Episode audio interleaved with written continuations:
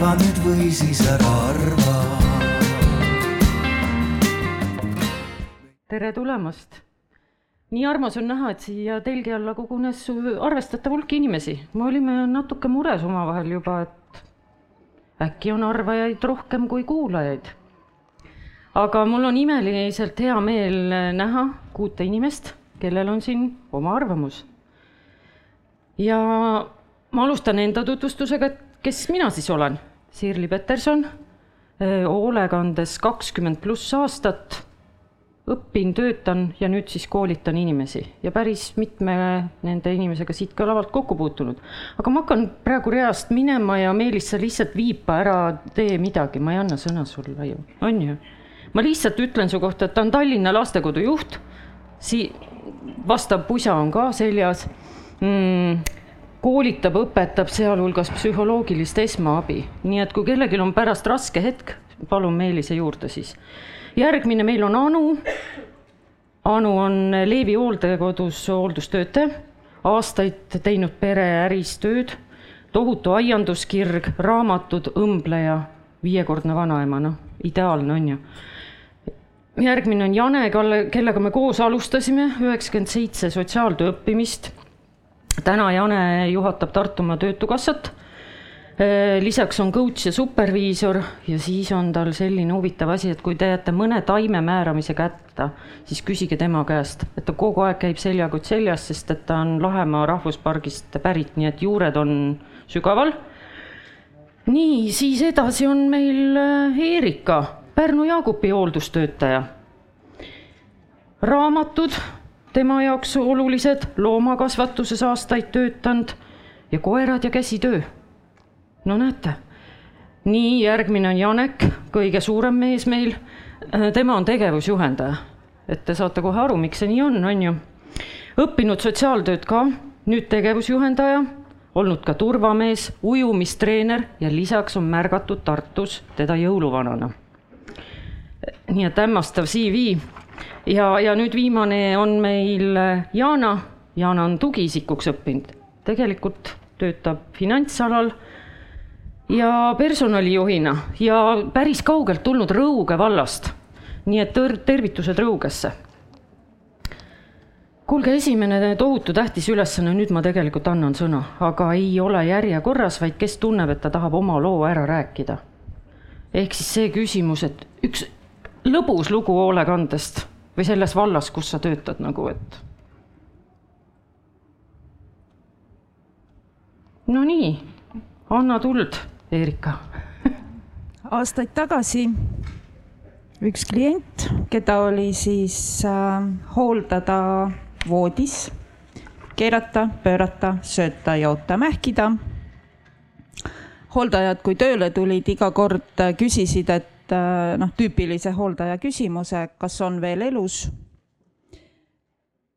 paar nädalat hiljem tuli tütar külla, läks siis oma ema juurde, ütleb äh, noh, lähme nüüd koju. memm tõuseb püsti, vaatab hooldajatele otsa. oleks ma seda teadnud, et nii hea käia on, oleksin palju varem käima hakanud ja oli enne autos, kui tütar autoni jõudis. Nii, aitäh, Erika, näete, hoolekandes lõbusad värvid. Jane. Mul tuli äh, meelde lugu, ma olin kaheksateistaastane, kui äh, elu viis mu Baierimaale elama. Ja, ja tegin seal tööd, õppisin. Ja naaber oli äh, üks vanapaar, sellised üheksakümmend pluss aastat vanad, elasid oma ilusas majas ja iga päev käis nende juures mõneks tunniks abis, mul on isegi ta nimi meeles, Tiiter Böögelmann, tema oli siis kohalik noh, sotsiaaltöötaja või hooldaja. Ma mäletan seda, et oli väga hästi makstud, mul tekkis siis arusaamine, et see on mingi valdkond, kus, kus on töötasud sama kõrged kui kirurgidel, sest esimene pilt oli äh, Saksamaalt ja nii see seal oli. ja, ja Tiiter käis siis abis, aga Tiiter armastas äh, Podense järve peal purjetada ja siis vahepeal, kui väga hea tuul oli, siis ta palus mind, et ma ise läheksin nende vanainimeste juurde.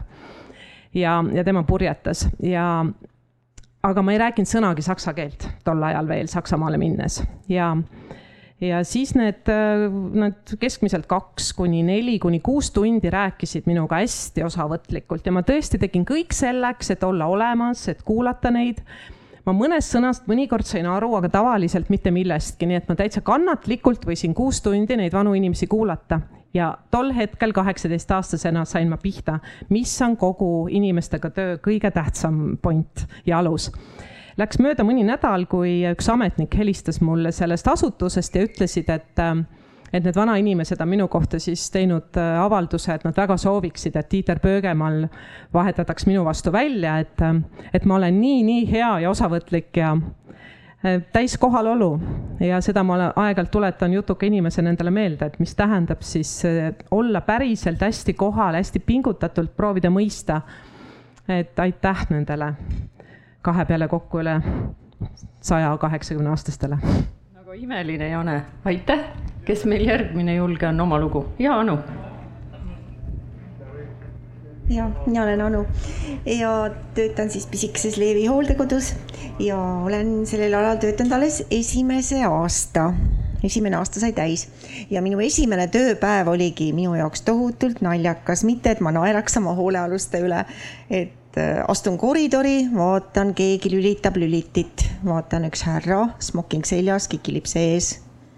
endine sihuke kena härrasmees ja ütleb, et see lift on katki, aga ma ei tea, kuidas ma siia alla sain.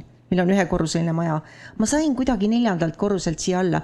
Öelge palun, kus on minu apartement.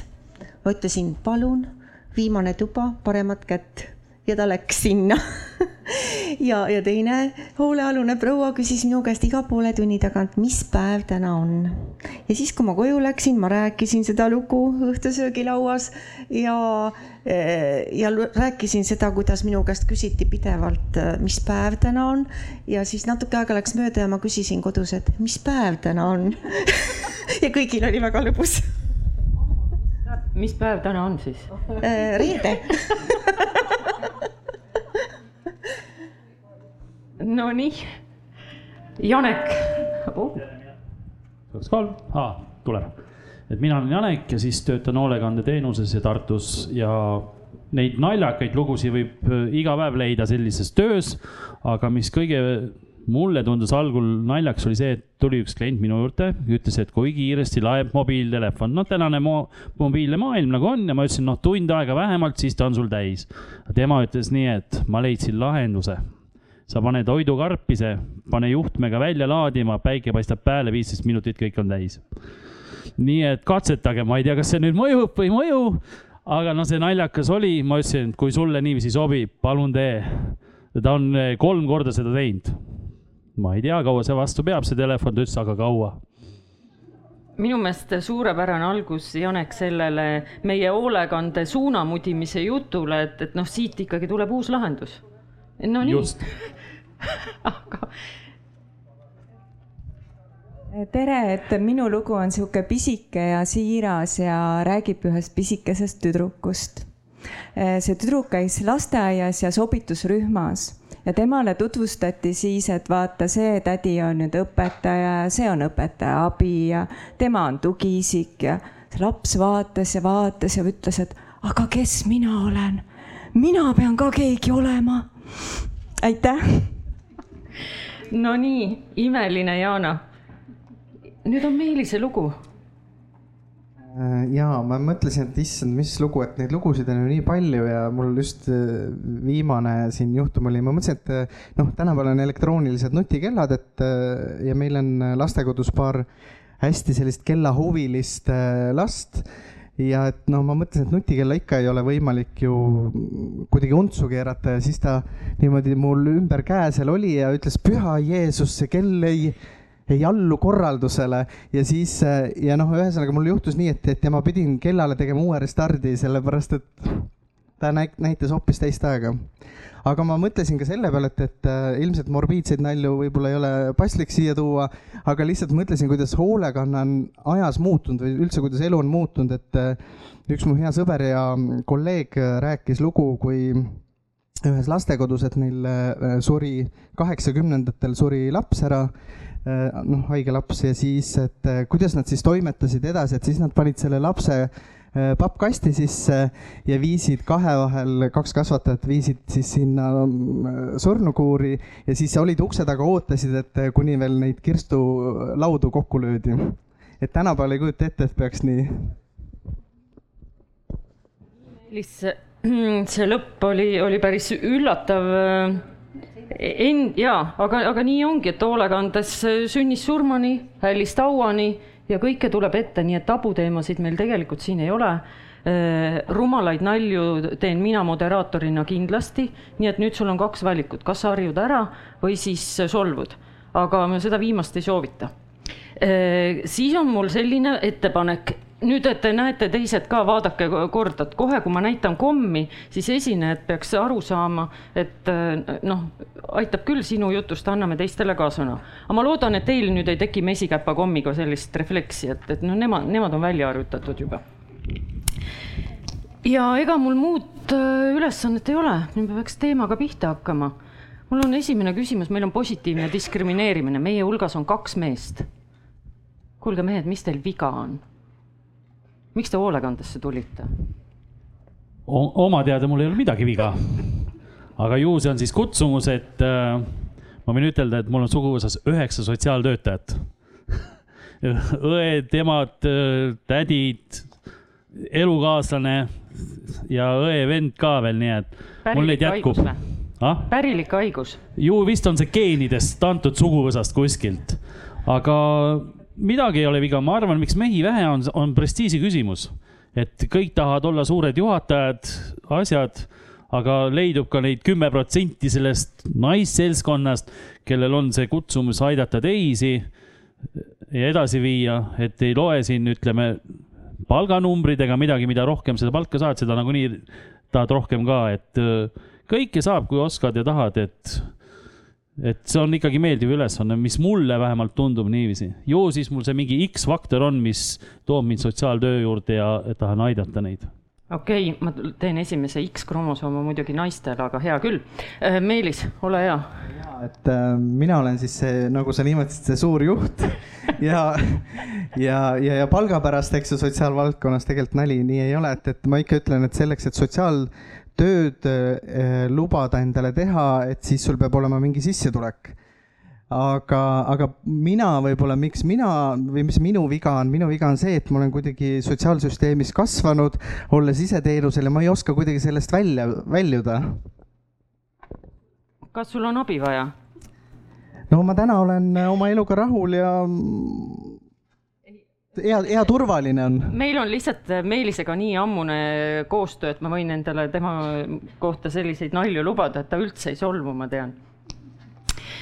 kuulge, naised, mul on teile ka see murekoht, et olles käinud mööda Eesti hoolekandeasutusi, ma arvan, esimest korda ma käisin üheksakümmend üheksa juba praktika käigus ja siis kaks tuhat üheksa kuni kaksteist, kui ma olin mingis komisjonis. Ja nüüd on mul niisugune küsimus, no hiljem olen ka veel käinud.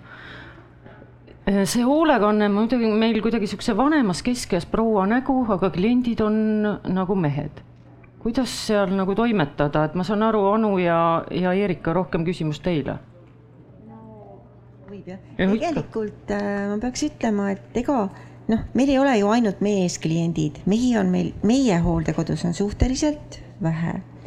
aga noh, toimetada meestega, tegelikult võib-olla sa toimetad nendega noh, samamoodi nagu naistega. meil nagu sellist, mina nagu ei teeks soovahet üldse, on ju abivajaja ja aitaja.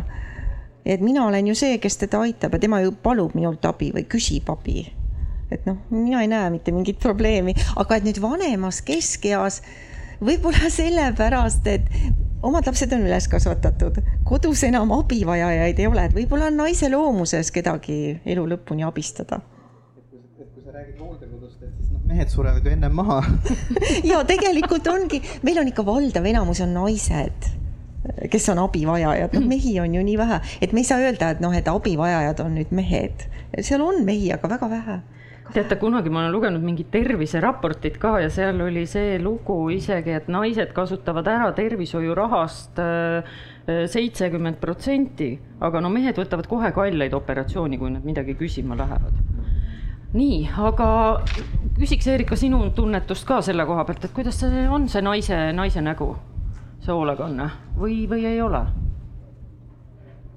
ta mingil määral on kindlasti, paraku on see, et ähm, meil on küll äh, selline lõbus täna siin arutelu, kuid äh, tegime mõned aastad tagasi oma hooldekodus statistikat äh, ja meil on ähm, seitsekümmend protsenti oli tol hetkel inimesi, kes oli alkohoolse tagajärjega ehk siis alkoholismist tingitud diagnoos. miks meil on palju hooldajaid, kes on nelikümmend pluss vanuses?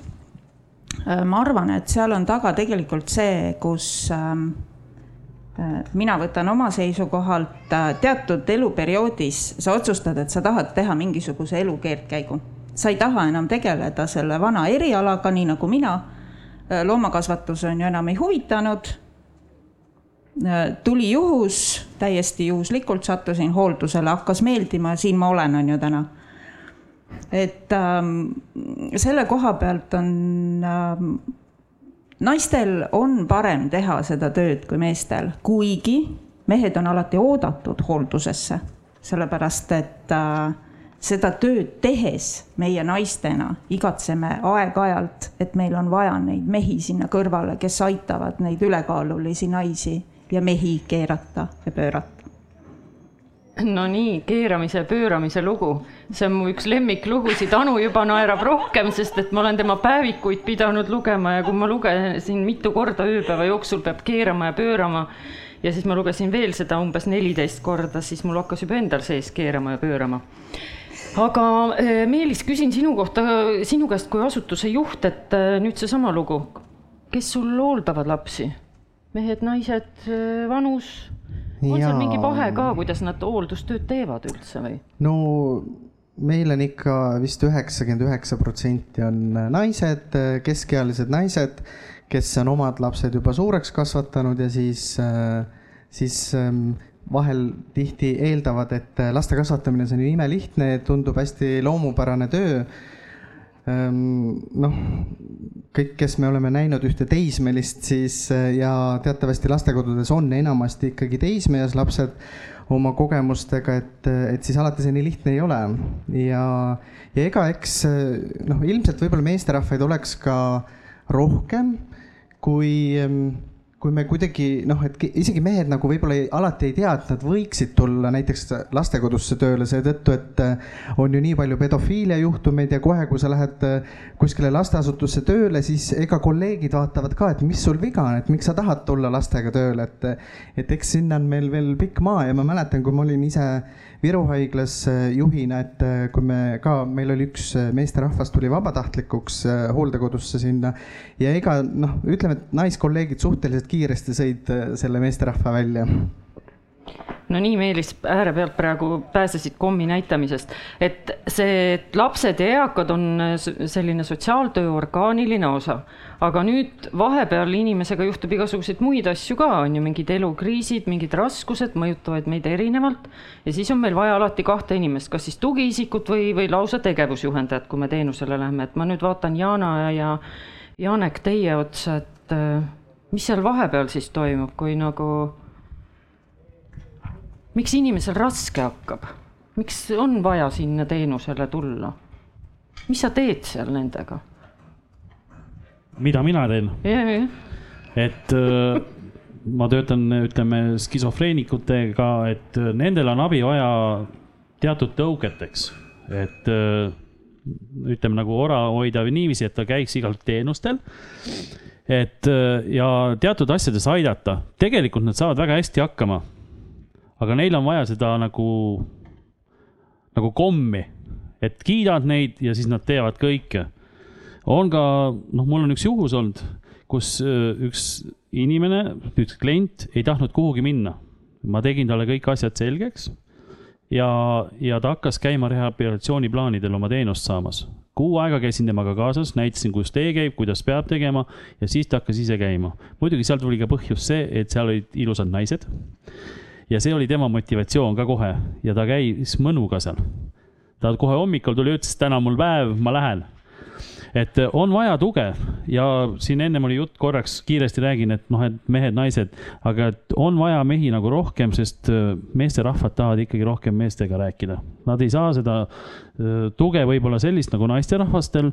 minul õnneks on vedanud see, et mul ka naised räägivad kõiki naiste asju ka. et selles suhtes, et sellepärast meid vaja ongi siin Janek, kas see oli siis sinu hea lugu ja hea näide sellest ka, et äh, kuidas ma siis ütlen, kuidas sina seda suunda mudid seal? no seda ka, et äh, üks minu edulugusi, kui ma võin ruttu teise edulooga ära rääkida, et kuna ma olen ujumistreener, annan klientidele ka ujumistrenne, käisime võistlustel ja ta ühte ennem distantsi ütles, et ma enam ujuma ei lähe, mul pea valutab. ma ütlesin, noh, okei okay,, et kui pea valutab, siis kõik ja kui ta nägi medalit, küsis, kas ma saan medali. ma ütlesin jah, ta oli pukil ja ta sai esimese koha. no nii, nii et minu meelest aplausi koht praegu. ja rohkem kommi. me nüüd saime sellest ka aru nii et rohkem kommi ja ma võin ka öelda endise lastekodu juhina, et komme ei tohi ühe asutuse juhataja kausist kunagi otsa saada. et äh, mul endal oli üks väga lahe, lahe poiss, ta oli üksteist tollal ja ta tuli oma muret rääkima ja siis esimese lausena ütleb niimoodi, kas ma tohin kõigepealt kommi võtta nii et tõesti, komm töötab. nii, aga Jana, mis, mis hetkedel inimene tuleb abi küsima sinu kui tugiisiku käest, kuigi no. ma tean, et Jana, äkki sa räägid ise selle loo ära, Eesti riik koolitas sind Töötukassa kaudu tugiisikuks ja, ja edasi juhtus mis? minu lugu on päris kummaline ja et kuna ma olen finantsinimene ja ma olen mingi üle viieteist aasta siis teinud seda tööd üldse, äh, siis äh, elu tegi sellise pöörde, et ma mingi kaheksa aastat tagasi tundsin, et äh, see sotsiaalhoolekanne on minu valdkond, ma hakkasin ise õppima, lõpuks, lõpuks jõudsin siis tugiisiku koolitusele. tegin ka eksamid ära otsisin tööd ja mind ei tahetud. ja teate, ma tundsin ennast täiesti väärtusetuna. ma olin majandusinimesena nõus siis loobuma kõrgest töötasust, ma olin ümber õppinud omast arust jube hästi, tegin kõik edukalt, aga tööle ei tahetud, öeldi, et võib-olla sügisel saad. ja siis sügised, noh, ma ei hakanud ootama, ma elan üksi, sest tegelikult olgem ausad, see sotsiaaltöö on selline heategevus sul peab kodus olema keegi, kes tegelikult toob siis sinu asemel raha sisse või sa teed siis mingit lisatööd. ja otsustasin, et ma lähen tööle, nii et, et ma olen tagasi nüüd finantsvaldkonnas. ja ma arvan, et ma mingis osas saan kunagi ikka kaasa rääkida, aga ma olen saanud tohutu lisandväärtuse sellest õppimisest ja nendest teadmistest, mis, mis see koolitus tegelikult andis aga lõpetuseks tahtsin öelda, et mis tähendab tugiisiku töö minu jaoks ja kui ma olen saanud nüüd praktiseerida seda, siis see tähendab kohalolu. lisaks kuulamisoskusele tohutut kohalolu ja, ja minu meelest saab seda õppida iga päev, sest äh, alati on millestki puudust. ja, ja seda saab õppida läbi just laste ja loomade. minul on suur koer, kes õpetab mulle seda tohutult iga hommiku, iga õhtu, kui ma temaga jalutamas käin. aitäh kohe võimalust, et Jana, et kui sul tuleb jälle tahtmine vahetada valdkonda, siis tule Tallinna lastekodusse. ma elan paraku Võru maakonnas. Võru, Tallinn aga, aga teate, Jaana lugu tundub seda uskumatum, et kui, kui vaadata rahandusministeeriumil neid saadaolevaid töökohti seal ja siis on igal pool otsitakse tikutulega tugiisikuid erinevatesse lasteasutustesse. ja nüüd, eks ju sügisel, eks ju paistab, jutt käib ikka sellest sügisest, Jaana või? ja jutt käib sellest sügisest, aga kusjuures ma näen küll abiõpetaja koolitusi meie, meie piirkonnas, aga ühtegi tugiisikut ei ole veel olnud nii et kui kellelgi on tugiisikut vaja, siis ma saan aru, et Jaan on praegu avatud pakkumistele. Jane, aga äkki sa valgustad seda teist poolt, et äh, kas sa oskad öelda, kui populaarne üldse see tugiisiku koolitus on või, või mis see Töötukassa ootus sellele on?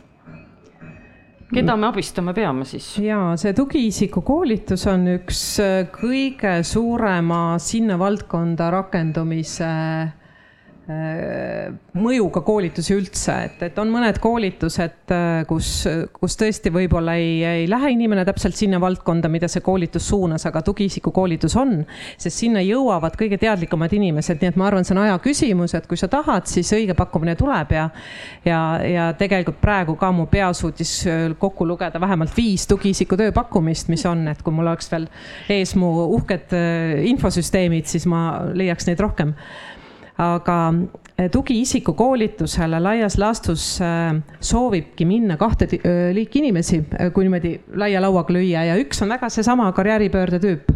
et ma tahan ära minna sealt täiesti teise valdkonda inimesele lähemale, tihtipeale võib seal taustas veel olla mingi isiklik kogemus, just on hooldatud oma lähedast või saadud nagu see sügavam mõistmine, et see töö, mida ma päeval kontoris arvuti taga teen või, või nendes tabelites teen, erineb väga-väga palju sellest, milline on minu enda empaatiline vajadus tegelikult olla nagu suhtes sügavamalt, et, et see toit tuleb tagasi, mida, mida ma ise annan. aga tugiisiku koolitus jah, on kindlasti üks, üks populaarsemaid selles mõttes, et need, kes otsuse teevad, nad ka lõpetavad selle, ei katkesta seda ja asuvad ka valdkonda siis aja jooksul tööle, et mm -hmm. meie jaoks üks hea koolitus no nii, meil jutt jäi tegelikult natuke toppama selle koha peal, et Janek rääkis oma selle hea näite ära, et mida ta on oma hoolekandes suunanud. Anu, sul oli mingi lugu põlledega kui ma läksin sinna tööle hooldekodusse, siis meil olid kõigil olid ees mingid siuksed plastikust põllekesed hoolealustel söögi ajal. Ja need olid sellised igavad ja hallid ja siis ma mõtlesin, et miks nad peavad sellised igavad ja hallid olema, et nad ju otsivad mustreid ja rõõmu ja ega siis elu sügis ei ole ju niimoodi, et langevad need lehed, alati tulevad ju pungad ja tulevad ka uued lehed, et nendel peab ju ka olema mingi motivatsioon. Ja siis ma õmblesin neile kirjud põlled. Ja siis nad hakkasid omavahel vestlema nende põllede teemal, et vaata, minul on täna südamekestega, aga minul on täna karud. Ja siis nad iga päev ootavad, et missuguse põlle keegi neile annab siis, et, et, et millise põlle me neile anname, et vestlust jätkub kauemaks. Ja teine, mille juurde nad nagu on tulnud, on siis nagu raamatu lugemisteraapia. Et äh, nad ei lugenud, ütlesid, et nad nagunii mitte millestki aru ei saa ja siis ma alguses viisin neile selliseid pisikesi lasteraamatuid, mida neil oli lihtne lugeda. Ja tuli välja, et üks mingi paarkümmend protsenti nendest memmedest äh, loeb praegu ikkagi ajaloolisi raamatuid ja armastusromaane ja nad on täitsa võimelised lugema, aga nad kuidagi olid selle äh, noh, minetanud selle oskuse või, või noh, neil ei olnud enam usku iseendasse. Et võib-olla ka selle hoolekandes unustatakse see inimene ära, et, et ta lihtsalt saabki selle söögi ja tehakse need sellised toimingud mis on ette nähtud, aga et, et keegi neid motiveeriks, et võib-olla ka, kui lähedki kuskilt väljastpoolt sinna noh, et siis sa, siis sa, siis sa nagu näed, et, et ongi see keerata ja pöörata ja keerata ja pöörata ja et kõik oleks puhas ja et olekski see põlleke ees. Ja siis võtad selle ära, viskad selle prügikasti, jooksed toast välja. aga seda, et noh, mida see inimene nagu tunneb, meil on väga tore hooldekodu ja meil on väga toredad töötajad ja meil on suurepärane juhataja, ma ei ütle mitte midagi halba, aga võib-olla kui minna väljastpoolt vahepeal ja näha seda nagu uue pilguga neid inimesi, siis tekib uusi mõtteid kuulge, aga miks te ikkagi teete selliseid asju seal, ma saan aru, juhataja ei andnud konkreetselt korraldust, et Anu, õmble põlled ei, aga see on ju, see on ju, see on ju inimlik. ma ju armastan neid inimesi, kelle eest ma hoolt kannan. ma ei, ma ei töötaks ju seal, kui ma seda ei teeks mm.. minu koht ei oleks ju. ja Erika, ma arvan, jätkab seda südamega tehtav tähtis on ka see, et äh, sa näed selle, sa näed inimest ennast, sa näed tema hinge. sa astud toa uksest sisse ja see, kes seal toas on, ei ole mingi, ma ei tea, plastmassist asi. see on inimene, tal on hing, tal on tunded ja sa pead neid austama hooldajana, hooldustöötajana ma pean tegema oma tööd niimoodi, et kui ma sealt välja astun, siis äh, ma ei saa sealt selja tagant kommentaariks mitte seda, et ma olen kõige äh, vanema ameti tegija, vaid et ma olen tiibadega ingel. ja see on minu põhiteema alati. Äh, kui ma käisin kutsekoolis, meil oli väga hea kursuse juhataja, kes viit-, viitsis meid kahe aasta jooksul vedada läbi erinevate hooldekodude me käisime Iru hooldekodus, me käisime Võisikul, me saime külastada Tartu vanglat seestpoolt näha ja nii edasi ja nii edasi, me nägime suuri hooldekodusid ja me nägime väikseid ja see iga kord, kui me tulime kuskilt hooldekodust, siis ma läksin tööle ja ütlesin, aga teate, seal hooldekodus tehakse nii, proovime meie ka. ja mõned asjad äh, läksid töösse, need võeti kasutusele. Ähm, mõned asjad ei läinud töösse. Äh, ja mõned jäid lihtsalt idee kuskile siia kuklasse tilkuma, et äh, vaatame, mis me edasi teeme, kas see asi hakkab, hakkab tööle või ei hakka tööle. Aga kõige tähtsam on ikkagi see, et äh, siin minu vastas istub inimene, seal toas on ka inimene. Aitäh sulle, Erika, mul on õudselt hea meel seda kuulata ja ma tahaks äh, kiusata kõiki järgne nüüd arutelu paneliste sellise küsimusega. kas äh, mis see mõiste võiks selle inimese kohta olla, et me teame kehtivas hoolekandeseaduses üheksasada seitsekümmend kolm korda sõna isik. inimene null, klient kolm korda. kes meil seal hoolekandes siis ikkagi on? oma, oma prismast nüüd.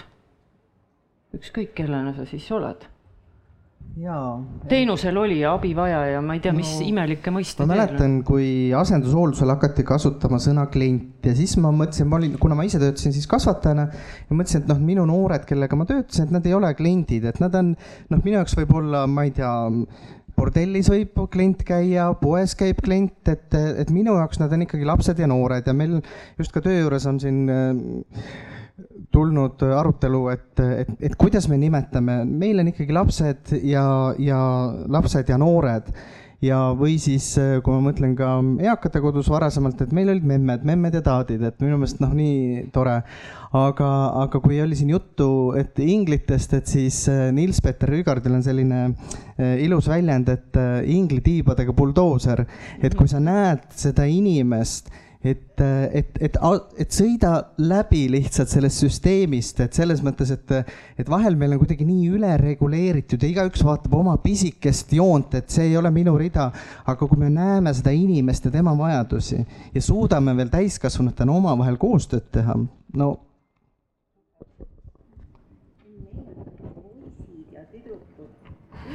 tüdrukud, sellepärast et nad jäävad ju elu lõpuni poisteks ja tüdrukuteks, ükskõik mis eakad nad on, kas nad on seal või mis eas nad on, kas nad on sajaaastased või nad on seal seitsmekümneaastased või nad oleksid kuusteist. meil on alati niimoodi, et poiste tuppa ja tüdrukute tuppa ja tüdruku juurde ja poisi juurde. Ja meil on iga isik, me ikkagi suhtleme, et ta on nagu, ta on ikkagi ju meil nimega isik, ta on ju, ta on ju ikkagi ta on ju inimene, ta on ju kellegi ema, isa, ta on ju meie kaaslane, kaasteeline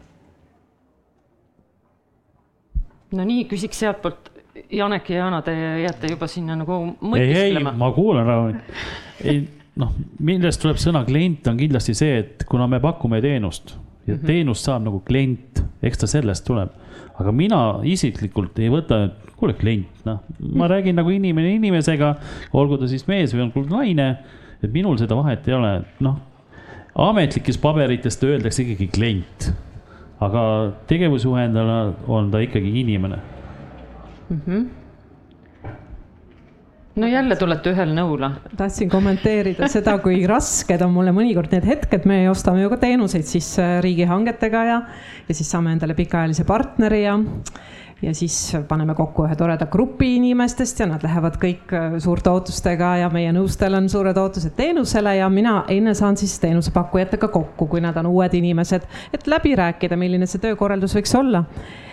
ja kogemata jutu sees nad näiteks ütlevad ähm, äh, alkoholi alkoholismi põdevate inimeste kohta mõne sellise väga tugeva sildistuse või mõne teise sihtgrupi kohta ja ma mõtlen, no kuidas ma teen seda koostööd nüüd. ja seda ei saa panna riigihankesse. aga see suhtumine või see hoiak on kohe seal näha ja mõtled veel korra, olgu nad korra vääratasid, aga endal käib kohe sihuke värin üle. see on nii ebameeldiv, see on juba nii võõras, selline hoiaku äh, suhtumine. aga kui seal kohtumisel mitu korda on, siis ma mõtlen, et kuidas, kuidas ma saaksin valida partnerit selle järgi aga jah, meil on ka kliendid, kui nad kasutavad teenust, küll aga mõnikord juhtumi aruteludel, kui nõustajad arutavad keerulisemate lugude üle, märkan ma seda, et tekib pööre selles loos.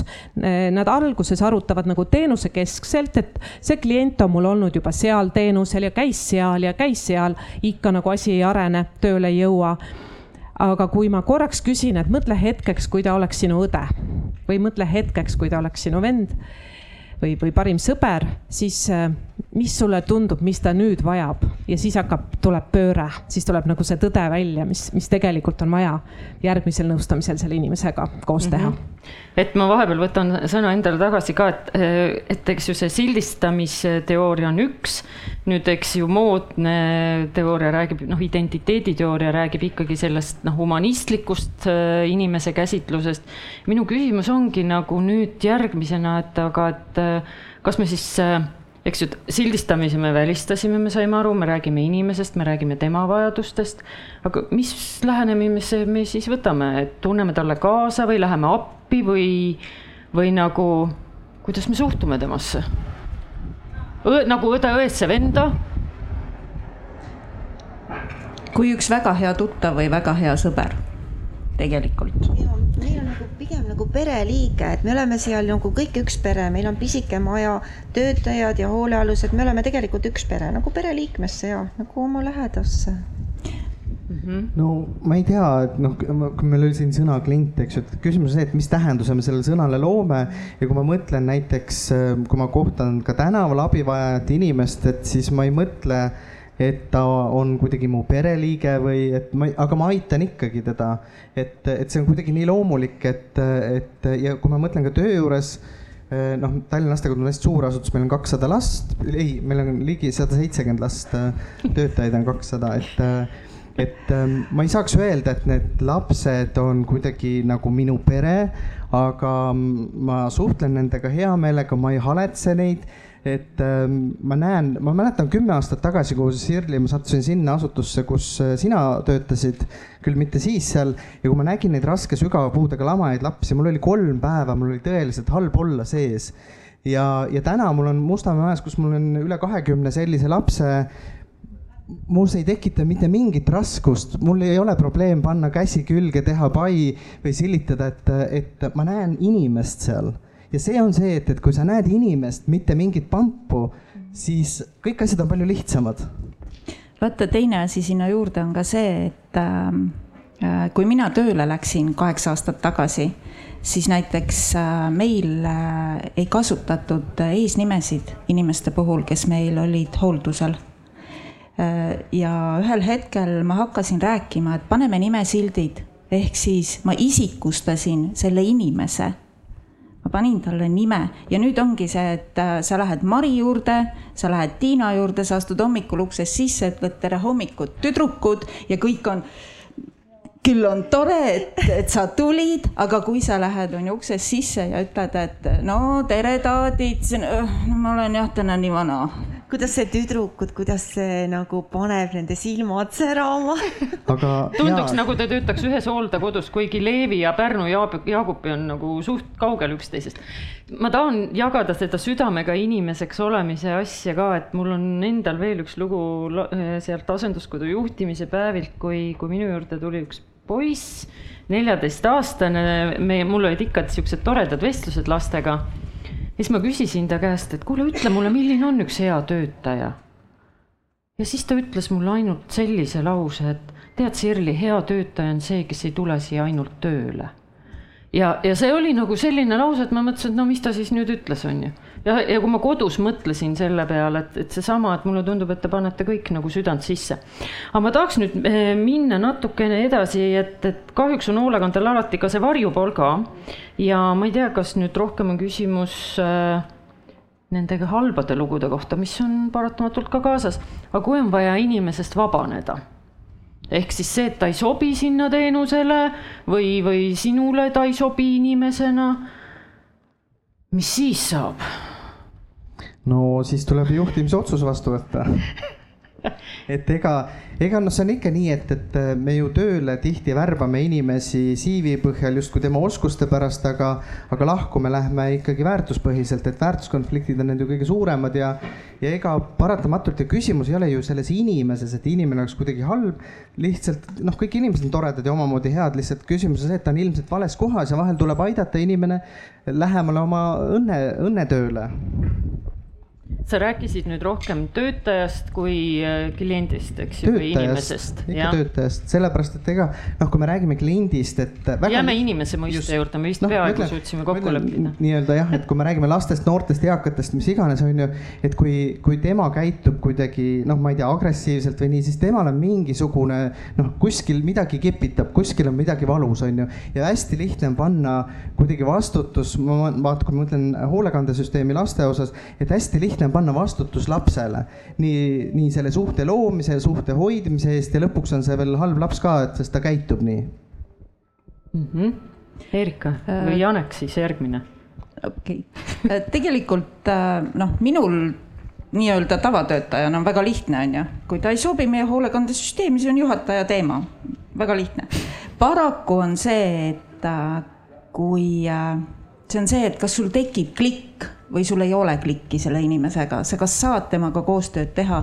kui sa ei saa selle inimesega koostööd teha, siis äh, ma ei tea, me võime kõrvadel ka seista, aga koostööd ei teki. seda absoluut... oleks huvitav näha ei, ma ikkagi mõnda nippi tahaks, kuidas kommist oli juttu, aga midagi veel um,? eks see ongi see, et äh, sa kas mõistad seda probleemi, miks see inimene käitub nii või äh, kui sa lihtsalt näed, et sina ei saa selle asjaga enam hakkama, siis äh, tulebki teine meeskonnaliige, kes äh, kas toetab sind või aitab siis liikuda teise süsteemi või mujale.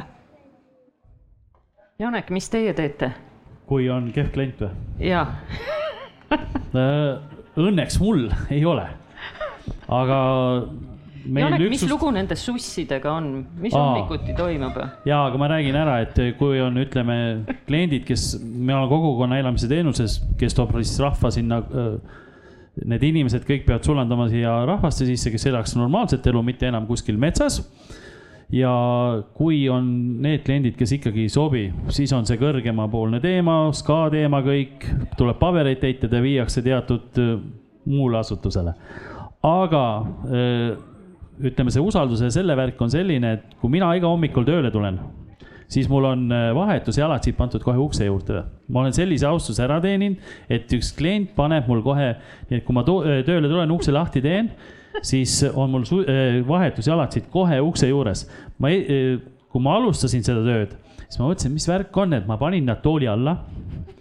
ja nüüd tulen, mul on ukse ees ja siis ma sain aru, et üks meesterahvas kellel on äh, saksa kord peab majas olema, ta iga kord paneb äh, kas siis minu või kui tuleb teine tegevusjuhendaja, tema äh, need vahetusjalad siit ukse juurde ja alati hommikul tervitab.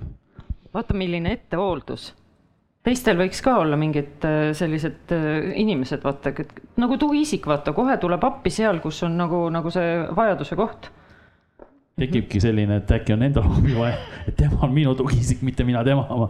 aga see on väga meeldiv selline, see näitab seda usaldust ja kõike, sest nendega, kui sa usalduse saad, siis nad hoiavad sind metsikult. et äh, ma tean, teised tegevusjuhendajad on rääkinud, ma ruttu räägin, on niiviisi, et äh, oli usaldus, meesterahvad olid seal temal ja ka üks näitas selja tagant, et ta lööks tugiisikut ja need äh, kaks meest ütlesid pärast, et kui ta oleks sulle Kalle tulnud, oleks meie ta maatasa teinud kahekesi tema. et selline kaitse on peal, kui sul on usaldus, siis nad kaitsevad sind äh, elu hinge eest mm. -hmm. Jane ma lihtsalt kuulan ja mõtlen, et inglise keeles on kaks hästi head sõna, useful ja helpful ja kui ma sotsiaaltöö tudengeid Tartu Ülikoolis õpetan, siis äh, seal on väga palju seda, et ma tahan abistada ja natuke ehmatab alati mind ja ma mõtlen, et ei, sa võiksid siirduda sinna tööturule, sinna valdkonda, et olla kasulik. ja vaata, kui mõelda, et ma tahan abistada, siis mina tõesti päriselt ka inimesena tahan abistada ainult endale meeldivaid inimesi, kes mulle sobivad kliendiks aga kui ma mõtlen, et ma olen kasulik, siis mul kaob ära see tähendus, et mul on mõni inimene kuidagi teistsugune ja ei sobi. või kui ta ei sobi, siis on see väga mõnus kohtumine iseenda selle osaga, et ahahaa, siitmaalt läheb raskeks.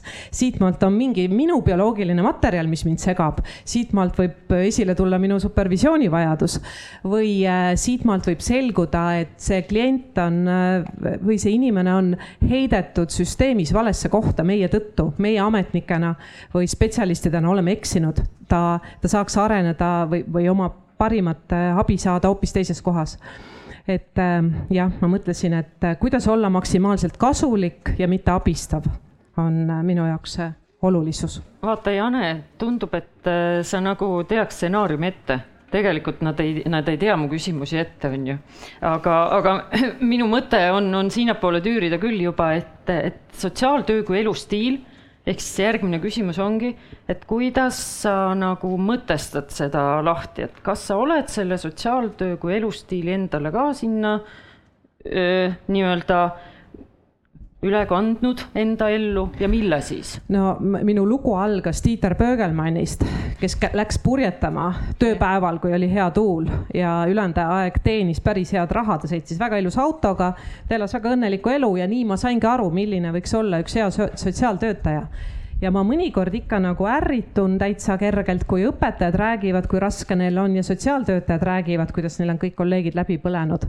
aga on juba mõned organisatsioonid kes brändivad ennast teistmoodi. ehk siis otsustavad, et teate nüüd naised-mehed, lepime kokku, et äh, jah, meil tegelikult veel ei ole kõik korras ja endiselt on suhteliselt raske, aga proovime hakata midagi tegema juba teistmoodi.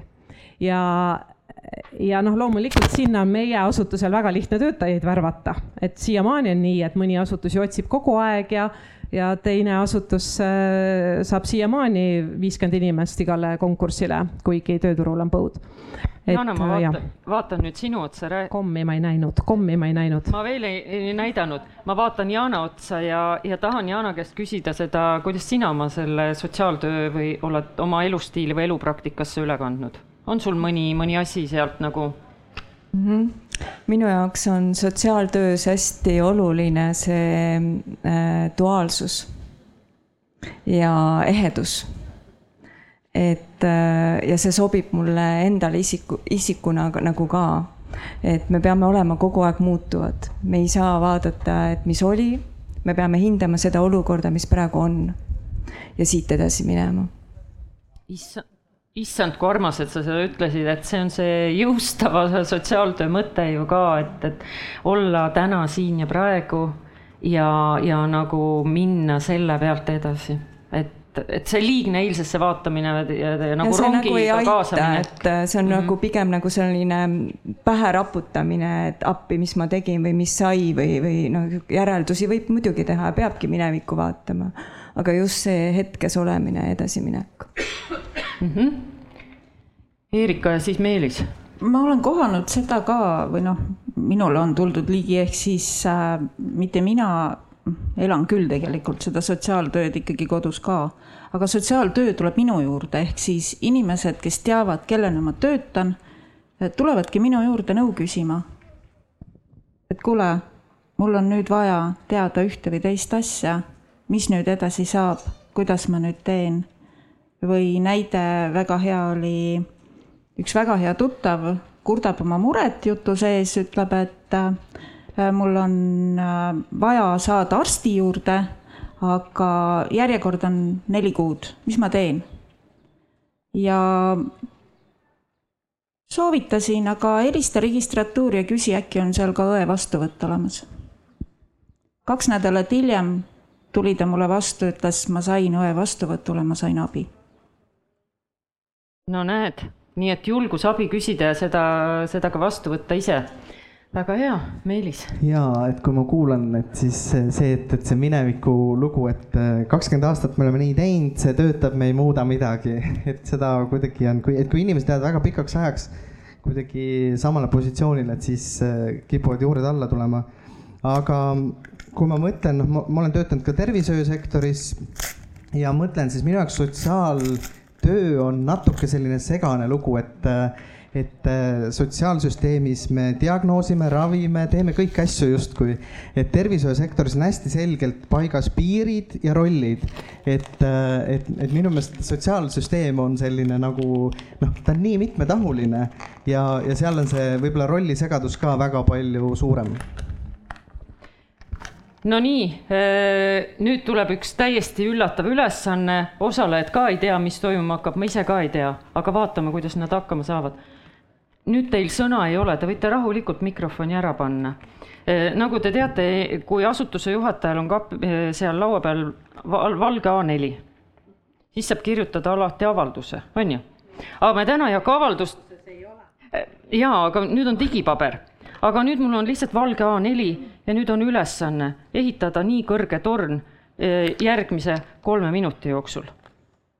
alates sellest hetkest omavahel rääkida ei tohi. ma panen selle siia. Teised võivad lihtsalt vaadata, kuidas see nüüd juhtuma hakkab. me koostöös ikka, ikka koostöös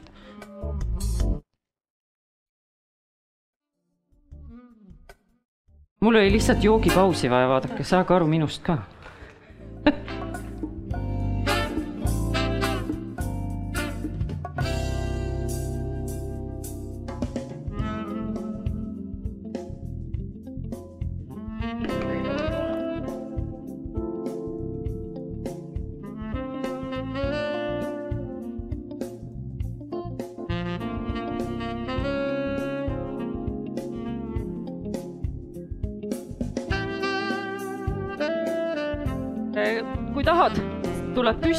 tahad, ei tule.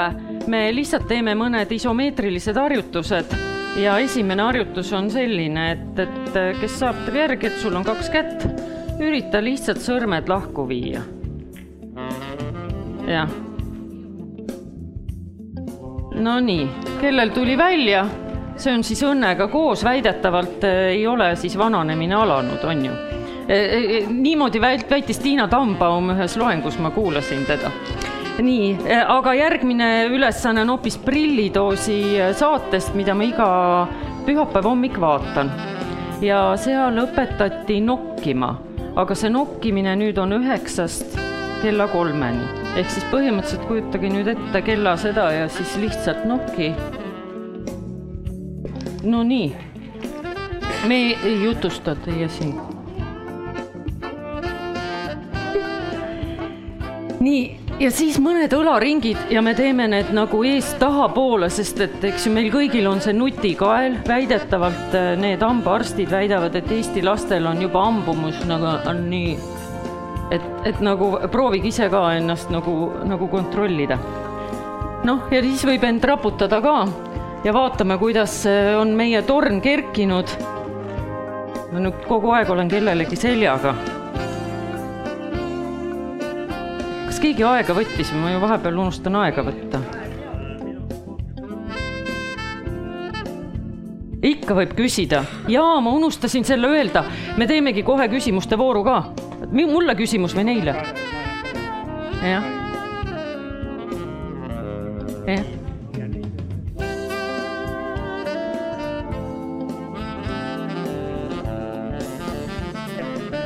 aga ma mõtlen, et äkki see on küsimus korraldajale.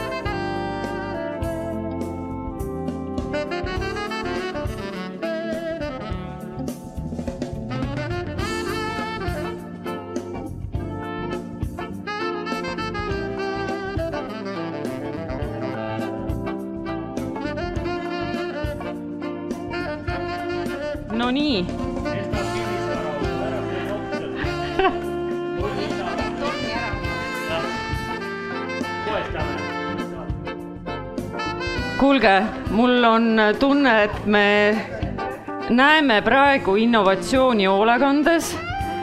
see suunamudimine tuleb päris hästi välja, nad küll natukene tegid sohki, on ju, oli nii? natukene nad jutustasid, mina kuulsin sosinat Nemad seal, okei okay.. et olge hea, tulge ilusasti, tehke sihuke poolring, siis kindlasti äh, Sirlis teeb ühe ilusa pildi niimoodi, et on midagi vähemalt valminud hoolekandes, midagi, mida on näha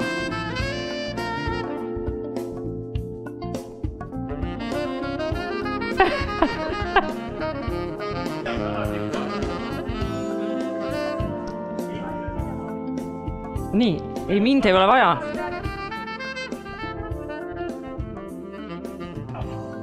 Selle jaoks ongi hoolekandes ju inimesi vaja, et nagu äh, inimene püsti seisaks, on ju, ja torn ka sealhulgas.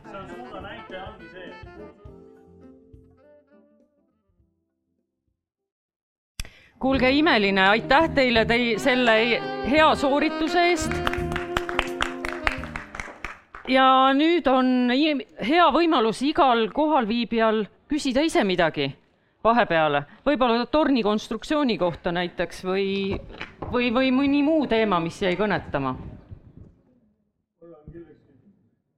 ja Tom, palun. et äh, kui palju, kui palju te olete tundnud selle aja jooksul teil oot, ma pean mikrofoni andma, sest Aga et siis hoidke. ja, Jana. et äh, te olete kõik staažikad siin sotsiaalvaldkonnas töötajad.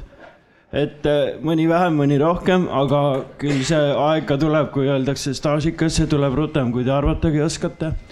Aga mitu korda te olete selle aja jooksul tundnud, kus te tahaks selle sotsiaaltöö teema, kus kurat saata ja hoopis millegi muu teisega tegeleda? vastake nagu julgelt. no nii, imeline küsimus, mul oli see endal ka plaanis lõpupoole küsida, et miks sa siia aitäh, jäänud Tom oled., hästi hea küsimus, ma, ma kohe hakkasin mõtlema, et karjääripööre on tihtipeale tänapäeva Eesti inimestel nagu karjääripöörasus. tegelikult täitsa tavaline areng, minna ka vahepeal sotsiaaltööst kuskile natuke ära või, või laiendada. mina olen väga palju laiendanud sotsiaaltöö valdkonnas saadud kompetentside, oskuste või üldse, et mis, kus see sotsiaaltööd ma saan kasutada või neid elemente kasutada, seda nagu piire ja, ja mind äh, kurvastab, kui ma mõnikord siis tudengite hulgas näen, et nad näevadki oma tööd sotsiaal, kohalikus omavalitsuses sotsiaaltöötajana. et seda on nii palju veel rohkem, nii et ma saan öelda, et põgeneda pole plaaninud, aga ka coaching ja supervisioon on sellega väga otseselt seotud, lihtsalt ma olen kogu aeg lükanud, lükanud selle valdkonna piire laiemaks. mina nii. võiks vastata niiviisi, et äh, mu esimene töökoht oli kohe puuetega in- lastega lasteaias. siis vahepeal tegin klienditööd, olin äh, klienditeenindaja, kuigi ma jätkasin ka vabatahtlikuna Tartu Puuetega Inimeste Kojas ja vahepeal olin ka projektijuht öö, Saksamaaga ja Eesti vahel, kus oli puuetega inimeste integratsioon tööturule. ja nüüd peale seda klienditeenindust ma mõtlesin, ma olin seitseteist aastat ühes asutuses, mõtlesin, et peaks nüüd tegema pöörde, et kuhugi ära minema. tõuke andis ka muidugi see moodne haigus. et võiks nagu midagi teha, nägin kuulutust ja läksin nüüd uuesti siis tegevusjuhendajaks, õppisin ka ja ma mõtlen, et äkki see on mu viimane töökoht. alustasin sellega ja lõpetan sellega Ähm, ma võib-olla just mõtlesin, et ma olen kogu oma elu teinud äh, sellist tööd, mis mulle meeldib, et töö on elu osa, et siis sa nagu ei käigi tööl, et see on lihtsalt elustiil. Täna töötan ma lastekodus, ennem olin ma kiirabis haiglas ja ka hoolekandeasutuses ja mm, eks näis, kuhu elu viib. ma lihtsalt ainult loodan, et ma ei, et ma ei harju selle ametnike aeglusega, et see on nagu see mina olen nii lühikest aega selles sotsiaaltöös veel, et hetkel ei kavatse põgeneda, näen ainult võlusid, aga võib-olla lähen edasi ka kunagi kuskile. meil on, kuhu areneda, ausalt. Nonii, kas on veel siit arutelu alalt küsimusi ja ma annan mikrofoni ka, sest muidu meid ei kuulda. aitäh, mina jätkaks seda Jane mõtet, et äh, kuidas te ennast tunnete, kumb te olete, abistaja või olete kasulik? teistele ka küsimus. kasulik abistaja Eesti keel on ikka väga põnev, on ju mm? -hmm. see on nagu laia profiiliga traktorist, et äh, sa oled kõike, kõike oled, abistaja, sõber ja kõik. Janek ütles mulle enne, et ta on nagu see hunt kriimsilm ja, ja kümnes on tal nälg. ikkagi, kuidas selle näljaga sa siis toime tuled? ei paista nagu, anna andeks. see on näljapaistetus see on näljapaistetus et ma olen Janekiga ka lihtsalt aastaid tuttav, selle tõttu ma julgen nagu neid kommentaare teha ja, ja tegelikult ma saan aru, et tegevusjuhendajana see kogu ikkagi aitab sul tööd äh, nagu teha.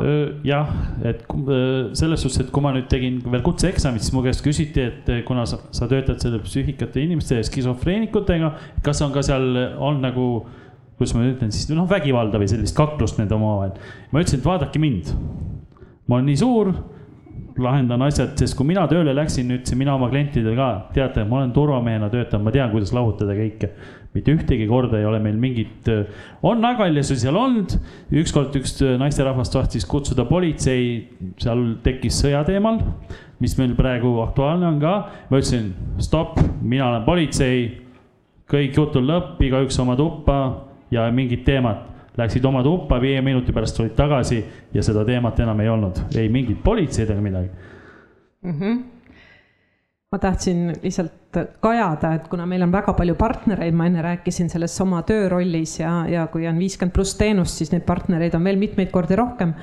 et ähm, see pilt ja kuna see coaching ja supervisioon on ju mu teine valdkond, et see pilt, mida ma näen grupi supervisioonides, senikaua, kuni seal on kasvõi ainult üks sotsiaaltöötaja, sotsiaalhooldaja, kellel on kaasas kolm kuni neli telefoni, üks tema laste, lastega suhtlemiseks, üks nende klientidega, kes peavad ta kindlasti kätte saama, üks nende klientidega, kes võiksid kätte saada, üks juhiga ja nii edasi. Ja pere isikliku telefoni, selle ta on koju jätnud senikaua meil on väga palju tööd teha selle abistaja rolliga ja aitaja vari on endiselt väga suur. ja seetõttu ma, ma tänan, et sa võimendasid seda küsimust, aga ma kohtun iga päev siis selles valdkonnas nendega, kes on abistanud ennast tõesti katki ja ma väga loodan, et, et see kohtumine endaga ühel päeval tuleb ja enda väärtustamine ka selles valdkonnas mm, -hmm. et see kasvab kiiresti aga, aga ma sain aru, et Katrinil on ka siin nurga peal küsimus, ma ühel hetkel tahaks selle tööandja fookuseni ka jõuda, et kuidas see tööandja saaks sind ka abistada selle läbiviimisel? jaa. Mm, -hmm, sain aru. Mm -hmm. tere, mina olen Tiit, Eesti Kurtide Liidu esimees. Ma tahan küsida sellist äh, asja, mis puudutab äh, võib-olla kurdide kogukonda rohkem. et ma tean, et et, et mõnedes hooldekodudes on ka kuulmispuudega või kurte, äh, siis vanureid ja noori.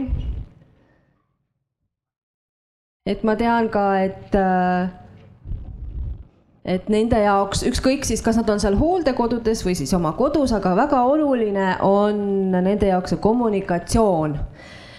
et kuna nende keel on viipekeel ja, ja et see kommunikatsioon on nende jaoks eluliselt tähtis. et väga palju ma olen kuulnudki nende inimeste käest, et nendel ei ole mitte kellegagi rääkida seal hooldekodus. et kirja kirjutamine on võib-olla keeruline, inimesed saa võib-olla aru, ei oska nii hästi eesti keelt kirjutada. et et jah, et, et ma muretsen selle kurtide tuleviku pärast hooldekodudes just. et, et ma ei tea, võib-olla keegi oskab kuidagi kommenteerida seda Anu Eerika, minu meelest küsimus rohkem teile, jah. No meil hetkel nagu päris kuulmispuudega inimesi ei olegi, kes oleksid nüüd täiskuulmispuudega, on muidugi vanad inimesed, kelle kuulmine on langenud, aga nad siiski suudavad noh, valjukõnet kuulata, aga me oleme lahendanud selle probleemi noh, et meie saame nendega suheldud, aga et nad saaksid nagu osa ka sellest meie maailmast ja elust, siis nad kuulavad meil spetsiaalsete kuulmispuudega inimestele mõeldud kõrvaklappidega raadiot, televiisorit, kasutavad arvutit, ka paljud seal. et, et on see niimoodi lahendatud, et nad ei tunne ennast õnnetute ja üksikutena seal. et, et hästi palju nad tarbivad meediat meil nende kaheksa aastat jooksul, kui mina olen seal tööl olnud äh,, ei ole olnud sellist klienti. E, kui ma kooli läksin, siis äh, ma teadsin, et ma hakkan õppima viipekeelt, aga see oli valikaine. ja paraku olin ma ainuke, kes seda õppida soovis. ehk siis äh, ma ei saanud siis seda õpet ja meil ei ole üldse viipekeelt, millest on muidugi väga kahju. et alguses ka, kui ma kooli astusin, siis ma nägin, et seal Kutseõppekeskuses, et seal oli valikaines viipekeel, aga nüüd seda ju ei pakutud. et mind huvitas ka see viipekeel tegelikult, kuigi hetkel meil ei ole ühtegi viipekeelt kasutavat klienti, aga kui peaks tulema, siis me oleme ju hädas kohe, sest mitte keegi meil ei oska viipekeelt. aga ma usun, et me meeskonnaga leiame selle lahenduse ma arvan, et me leiame. kindlasti, kindlasti. no nii, teie kahe puhul ma ei kahtle, nüüd Kat- ah,, ja kas küsimus läheb edasi, jah? ma tahtsin üks, üks teine kommentaar, võib-olla, et võib-olla Eesti sotsiaalkaitsesüsteemis võib-olla ei olegi sellist võimalust nagu, et aga ma tean, et Soomes, Rootsis, Norras äh, on olemas äh, spetsiaalselt äh, sellised äh, võimalused, kuidas saab kuulmispuudega inimestega suheldagi. Äh, just, just näiteks on olemas kurtide hooldekodud ja nemad saavad omavahel siis suhelda ja see on nende jaoks ääretult, ääretult oluline lihtsalt ma arvan, et võib-olla tuleviku töö on see või tuleviku asi on see siis lihtsalt, et, et võib-olla saab siis kurtide oma hooldekodu kunagi Eestisse ka, et ma ei tea.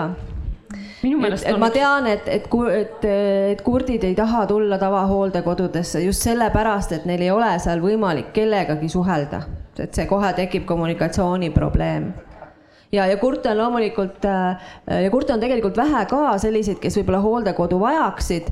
et võib-olla oleks siis võimalik mingisugune väike selline üksus kuskil hooldekodu juures kedagi siis sinna koondada, võib-olla siis seal saab seda viipekeele osa siis arendada kuidagi kasvõi töötajate puhul või aga jah, väga oluline on just, et need omavahel saaksid suhelda, et peaks looma, peaks looma üle-eestilise sellise koha, kus siis kurdid, kas vanurid või need, kes hooldekodus tahavad või, või peaksid olema, et siis nad saaksid seal koos olla ja omavahel suhelda. aitäh tähelepanu eest. ja aitäh. ma võtan selle mikrofoni ka, sest muidu igal osalejal enda oma, ega me ei jaga siin midagi. nii.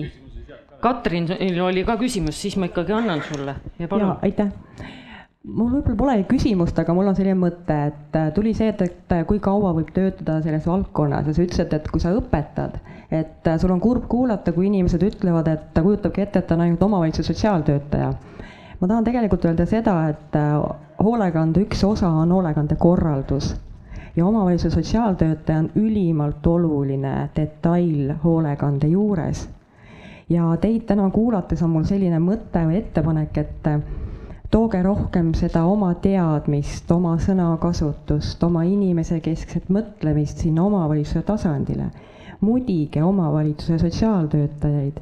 miks ei võiks olla järgmine suunapöörd teie elus see, et, et teist keegi saab inimlik omavalitsuse sotsiaaltöötaja, kes teab, mis toimub selles asutuses.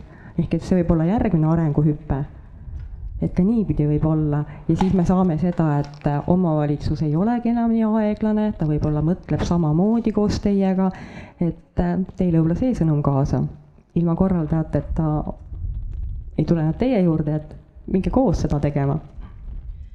No nii, kuulasin Katrini mõtet ja tegelikult siia sõites ma täna küsisin nende kahe inimesega, kellega ma ühes autos olin, saame sellesama küsimuse, et kuulge, meil on igasuguseid podcast'e, terve internet täis igal huvigrupil on oma, jahimeestel on ka oma podcast, sotsiaaltöötajatel ei ole.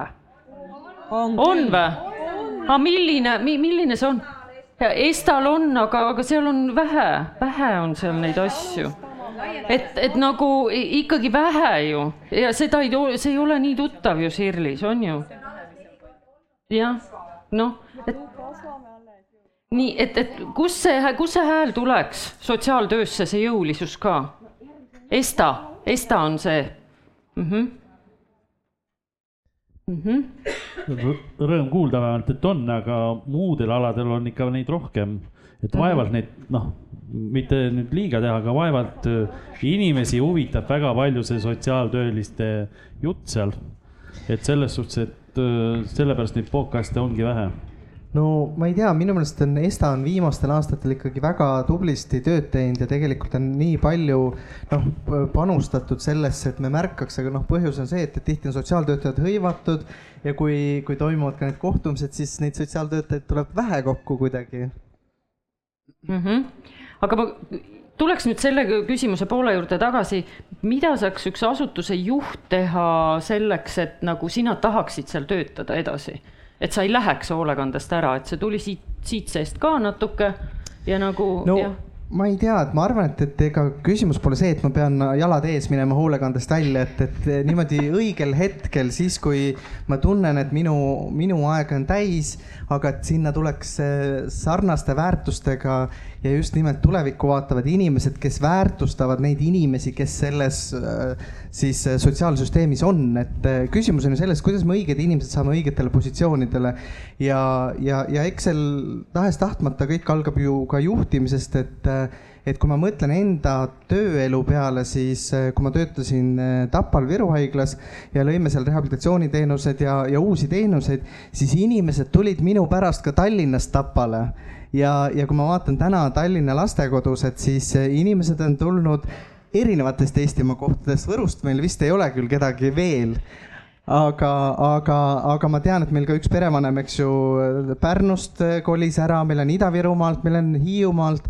et, et kui see töökeskkond on selline toetav, siis toetav ja see meeskond on toetav, et siis, et siis tõesti, et ei ole see rahanumber, noh, number üks no täpselt siinsama, et me oleme Sirliga ju loengutes sellest hästi palju rääkinud, sedasama teemat oleme ju päris palju viljelenud, et, et see raha, et noh, et see raha on nüüd hooldustöötaja nii väike ja et ega siis ainult see raha ju ei pane meid tööle, et, et võib ju saada ka mitu tuhat eurot palka, kui see töökeskkond ei ole meeldiv ja, ja kui see noh, see kollektiivi juht pole suutnud võib-olla luua või ka see kollektiiv, ega ei saa ainult vastutust juhile panna, et ka see kollektiiv ei ole suutnud ennast kokku võtta ja koostööle asuda, et ütleme, hooldekodu kui selline, ta on ju selline ra rakuke, kus iga inimene ju annab oma panuse. seal ei tee üksi mitte midagi. meil on üks hästi tore töötaja.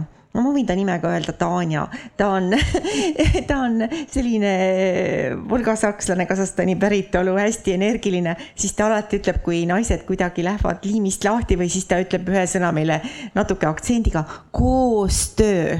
Ja siis see toob kõiki maa peale jalgupidi tagasi ja paneb pead tööle. et see ongi täpselt see, et me ise ju saame endale luua selle, me ei saa, et kusagil ke kõrgel keegi on, kes meie jaoks teeb selle töö meeldivaks.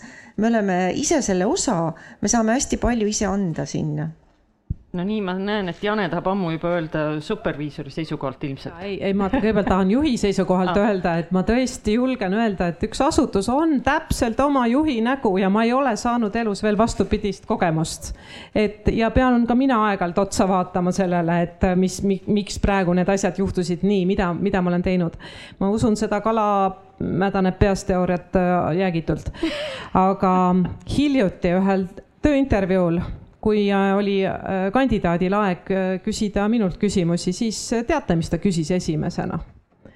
mida teie asutus teeb, peale seda ta kandideeris nõustajaks, mida teie asutus teeb, et rohepööre Eestis õnnestuks?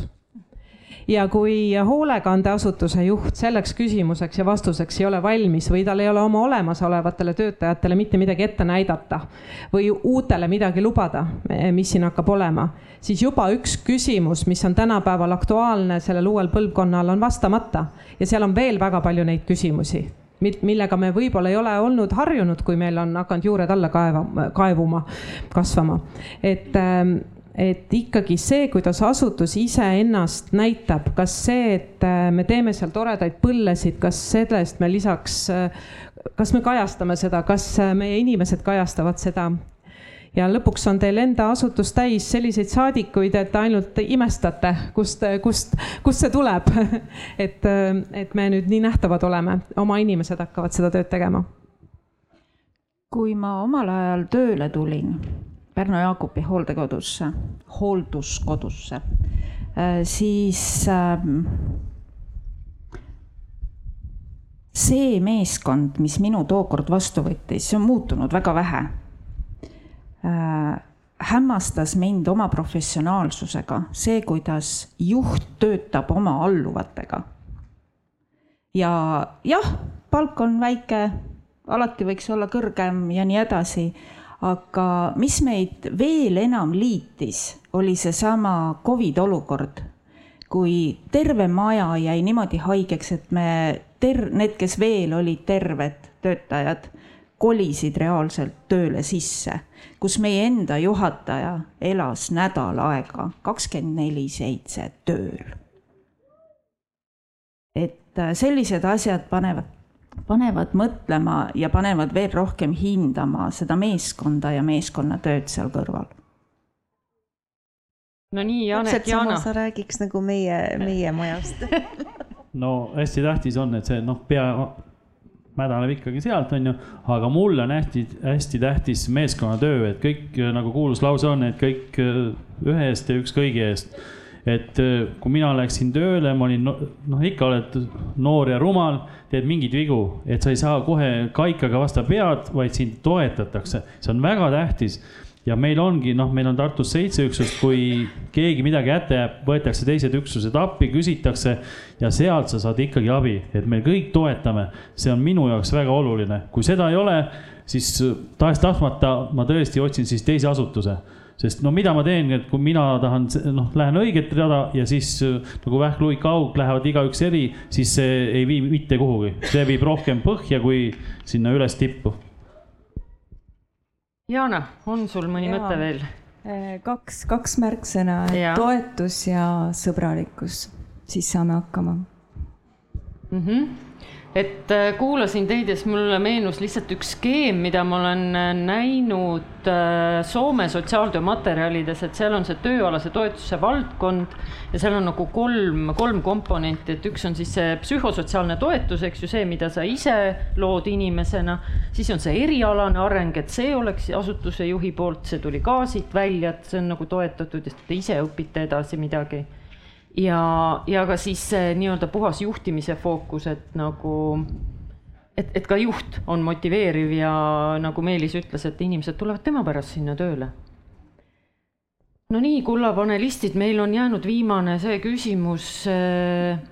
kuidas sa ennast hoiad ikkagi? see, ma ei taha seda põlemise sõna öelda, et ma tahan, et see oleks nagu sisemine põlemine, mitte see, see teine põlemine, millega nagu põleb ära enesehoiu teema ähm,? kuidas mina hoian? tööd koju kaasa tohi, ei, ei tohi võtta ju. aga minul on selline nipp, et kui mina töölt tulen, ma sõidan autoga koju, ma panen muusika väga kõvasti käima. koju jõuan, on kõik tööasjad mul läinud, põhimõtteliselt kodus midagi ei tee. ja nii ma olen vastu pidanud, ei ole mingit langust tulnud ja, või siis tegeled oma asjadega, et ma olen väike hobiaegnik, siis ma lähen kastan kurke või midagi ja on mõtted läinud mm -hmm.. okei okay., Jana? mind aitab väga liikumine ja näiteks kui on väga-väga keerulised olukorrad ja mis tulebki elus ette, siis on väga lihtne ennast tõsta sinna keeristormi keskele, seal on rahulik. ahah. pikad jalutuskäigud koeraga väga toetav perekond. aed, lapselapsed. Nonii. minu armas kodu, oi vabandust et äh, teadusuuringud näitavad, et kui ma endaga mitte midagi ei teeks, läheks selle valdkonna inimesena iga päev koju, teeks perele süüa, vaataks midagi telekast, võib-olla teeks väikse tiiru aias ja siis keriks magama homme uuesti siis kahe aasta pärast tõesti hakkavad esimesed tundemärgid, et ma ei ole enam korras, ehk siis ainuke viis on teadlikult kogu aeg töötada enda päästikutega, vaadata, et täna mingi asi nagu ärritas või lõimu keskme paigast ära, mingi minu, teema, noh, olla ikkagi teadlikult töös, mina olen käinud äh, kümme pluss aastat supervisioonis regulaarselt kogu aeg. Äh, ja, ja siis teine asi on see, et see elukaar, äh, kus on sul noh, laias laastus ütleme sellised kaheksa sektorit, et sõbrad, perekond, finantsid, keskkond, et ma olen proovinud, et mul see ikkagi oleks nagu tasakaalus, sest ma tean, et kui mul tööl hakkab nagu tuksi veidike minema, siis kui ma oma hobid saan korda uuesti tähelepanu alla, siis mul töö läheb ka kõik iseenesest korda, et sa ei pea sama sektori probleemiga tegelema. või, või lähisuhtes on võib-olla vaja midagi natuke ära klattida, jälle läheb kuskil mujal hoopis paremaks, hobi ka mõnusam teha. nii et tegelikult lihtsalt hoida tasakaalus seda ratast, millega kimada et äh, Jane käivitab minust kohe koolitajana ka neid teemasid, et äh, kes tahab guugeldada kodune ülesanne, peaasi. Life Circle. ja peaasi.ee koduleheküljel on väga head toimetulekuoskused, kuus eri äh, valdkonda seal ka, et, et me ei võtaks ainult seda, et aa, mul on füüsilised oskused olemas, ma lähen jalutan, on ju, teen oma aias tööd, vaid seal on ka need spirituaalsed oskused. nii et ole hea, vaata, sa leiad sealt ise ka need üles, et ma rohkem nüüd Anu ja, ja Meelis? hästi palju ikka. Hea tugemist on ju olemas, toredaid luuletusi, toredaid raamatuid. Lilled, armas kodu, tore pere, kõik see toetab. edasiõppimine ka kindlasti, et ennast ei tohi ära unustada, peab oma vaimu elus hoidma ja aju töös hoidma. Jaa, siin palju asju ära kõlanud, et äh, mul on nii, et ma iga õhtu käin jalutan oma kümme tuhat sammu ja ja noh, kuna seda on hea viis teha siis, kui sa samaaegselt on klapid peas ja räägid kellegagi ja siis ma helistan äh, veel mõnele kolleegile, sest et äh, tööpäevad on sellised, et et mingid asjad on jäänud tegemata ja siis mul on, ma olen võtnud nüüd selle hoiaku, et, et ma püüan helistada ennem üheksat õhtul, et ma peale üheksat ei helista, et, et Aktuaalne Kaamera on see piir. ja, ja, ja ma olen oma kolleegidel ka öelnud, et kui ta võtab vastu telefoni, et siis see on tema vastutus et, et mina helistan siis, kui, siis kui mul tekib võimalus, aga kui tema võtab vastu, et see on tema vastutus ja, ja, ja tõesti, et kui ma mõtlen, et, et noh, mul on ilmselt ka selline töö, et, et mu töö on kogu aeg minuga kaasas äh, igal hetkel, aga samas, kui mul on vaja, siis äh,, siis ma lihtsalt nagu jätan kõik, et seal nagunii on mailbox'is kakssada vastamata kirja, et ja mõned asjad lahenevad juba iseenesest. ja, ja, ja, ja nagu eelkõneleja näitabki, et aeg on läbi, et nagu eelkõneleja ka ütles, et, et kui hobid on paigas, siis kõik muu saab ka paika no nii, see on küll kurb, et see suunamudimise lipp nüüd see meil maha kukkus. kahesaja meili peale. kahesaja meili peale jah, et, et see on tegemata töö kuulge, head panelistid, ikkagi üks hea soovitus inimesele, kes täna läheb siit ära. kuidas olla hea inimene?